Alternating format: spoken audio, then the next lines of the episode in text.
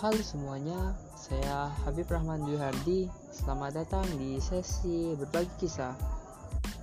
Pada sesi kali ini, saya akan menceritakan tentang bagaimana perjalanan hidup saya dan juga apa saja tujuan hidup yang akan saya capai masa yang akan datang.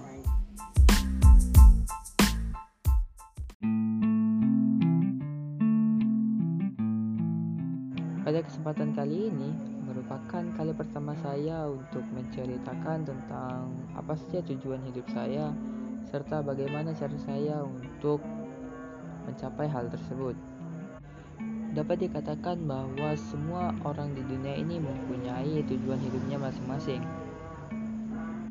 Dan sejatinya, tujuan hidup masing-masing manusia adalah berbeda tergantung bagaimana pemahamannya dan apa yang ingin dicapainya di masa yang akan datang.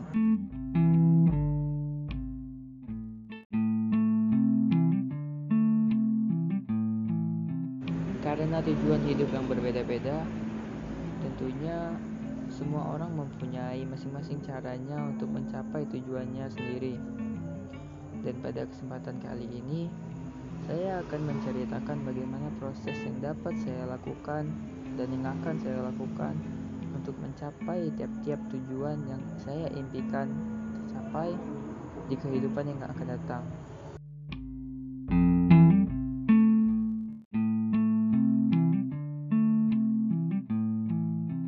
Hal pertama yang ingin saya capai pada tujuan hidup saya yaitu adalah saya dapat lulus dengan IPK yang saya targetkan.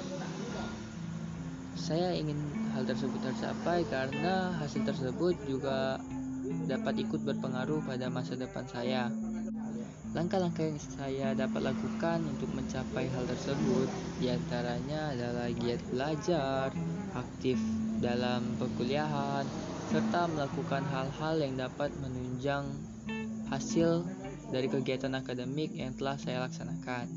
Kemudian, saya juga ingin aktif dalam organisasi dengan tujuan untuk mendapatkan relasi sebanyak-banyaknya dikarenakan aktif berorganisasi dan mendapatkan relasi merupakan suatu hal yang penting yang juga dapat dilakukan pada dunia perkuliahan yang dapat dikatakan bahwasanya hasil akademik bukan satu-satunya hal yang sangat penting di dunia perkuliahan tapi juga bagaimana cara kita untuk aktif dalam organisasi, bagaimana cara kita untuk manajemen waktu dengan baik, bagaimana untuk mengatur keuangan dengan sangat baik, yang tentunya ilmu-ilmu yang tidak kita dapatkan pada jenjang akademik ataupun pada saat pendidikan formal dilaksanakan.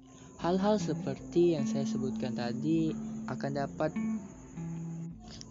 didapat dan biasa melalui kegiatan berorganisasi. Hal-hal yang tadi tentunya juga dapat bermanfaat bagi kita semua pada saat kita telah lulus dan juga merasakan kehidupan yang sebenarnya tentang bagaimana cara berkomunikasi dengan baik, bagaimana tata cara apabila ingin berbicara dengan orang yang lebih tua, orang yang lebih muda, bahkan orang yang sama umurnya.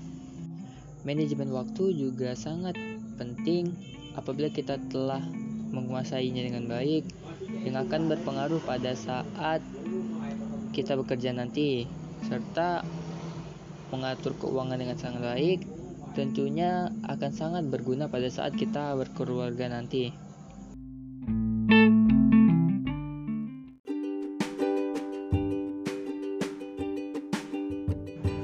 Tujuan hidup selanjutnya setelah saya lulus kuliah, tentunya saya ingin mendapatkan pekerjaan yang sesuai dengan passion saya.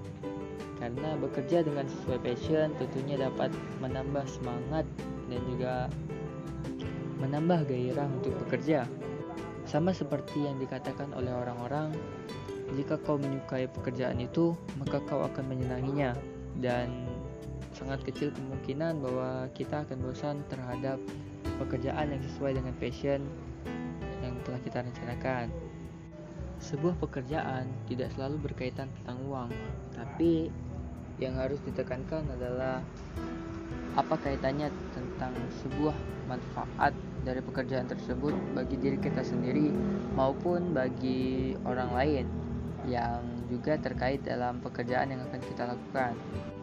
Semakin banyak manfaat tentang pekerjaan yang kita lakukan, maka dapat dikatakan semakin bagus karena bukan hanya kita yang mendapatkan manfaat dari pekerjaan tersebut, tapi juga banyak orang yang terkait dan juga terlibat dapat memanfaat dapat uh, dapat dikatakan bahwa mereka juga menerima manfaat atas apa yang kita kerjakan itu akan sangat bagus dan seperti yang sama-sama kita ketahui bahwa sebaik-baiknya manusia adalah dia yang bermanfaat bagi orang lain dari sanalah saya ingin menjadi orang yang sangat bermanfaat bagi orang lain sehingga saya dapat berguna bagi orang-orang di sekitar saya.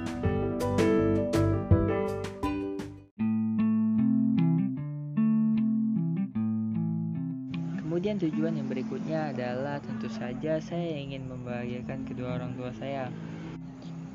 Mulai dari membelikannya sesuatu agar mereka bahagia sampai sampai dapat membuat mereka berdua naik haji.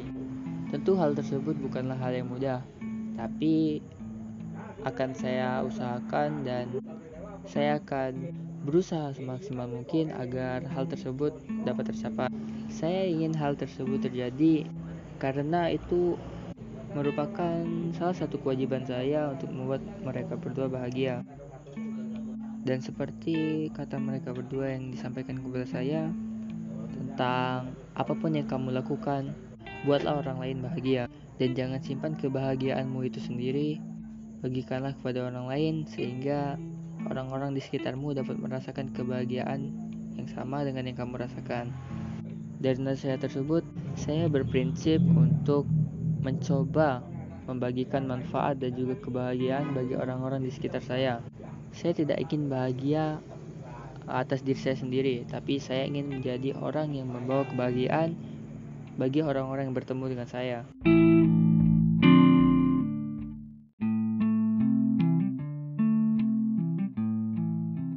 Setelah tujuan saya yang berupa sukses di dunia pendidikan, sukses di dunia pekerjaan, dan sukses untuk membagikan kedua orang tua, tentunya saya juga ingin sukses dalam membangun rumah tangga. Tujuan saya untuk sukses untuk membangun rumah tangga tentunya akan saya lakukan apabila saya telah berhasil melewati tantangan dan ujian di dunia pendidikan, dunia pekerjaan, dan tentang apa saja yang sudah saya sebutkan sebelumnya. Memang hal ini bukanlah hal kecil, tapi semua orang tentu saja ingin merasakan kebahagiaan, terutama kebahagiaan rumah tangga. Sehingga saya ingin menjadi imam yang baik dan juga kepala keluarga yang baik dari siapa pun yang menjadi pasangan saya nanti. Dan setelah hal tersebut tercapai, saya juga ingin menjadi ayah yang baik sehingga seorang ayah yang baik juga dapat mendidik anaknya menjadi anak yang baik pula dan ayah yang baik tentunya dapat membimbing anaknya menuju jalan yang baik serta menjauhkan anaknya dari kesesatan yang ada di dunia ini.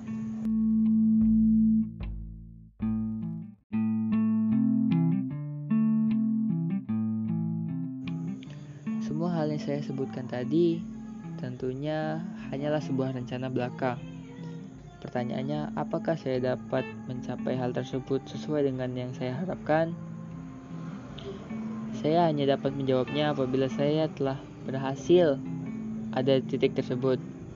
Dan cara saya untuk mencapainya adalah bagaimana saya dapat belajar dari kesalahan yang saya buat, bagaimana saya dapat melakukan rencana-rencana tersebut dengan baik, dan bagaimana cara saya untuk menghargai semua proses yang berjalan, menghargai semua proses yang terjadi. Karena sebuah tujuan tidak dapat dicapai dengan instan, tapi tentunya harus dilakukan dengan cara dengan cara yang ideal, usaha yang keras, serta mental yang kuat. Semua hal yang saya bicarakan tadi merupakan garis-garis besar tujuan hidup yang ingin saya capai di kemudian hari.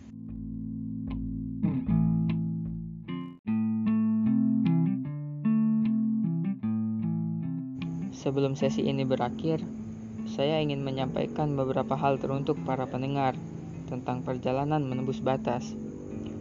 Orang tidak tahu apa yang telah kau lewati. Perjalanan panjang menyusuri tepi, hingga karang bebatuan tajam kau injaki. Meski kau tahu akhirnya akan sesedih ini, kau mampu bertahan dalam sepi. Yang manis tidak selalu terulang kembali, yang pahit tidak selalu menyakiti. Hakikatnya semua rasa akan kau nikmati untuk pengalaman berharga yang harus kau syukuri. Jangan anggap perjalanan ini sebagai dedikasi, sebab ini bukan sesuatu yang layak diapresiasi. Ini hanya kesalahan kau yang tidak akan terjadi lagi. Proses itu tidak mungkin terasa saat ini.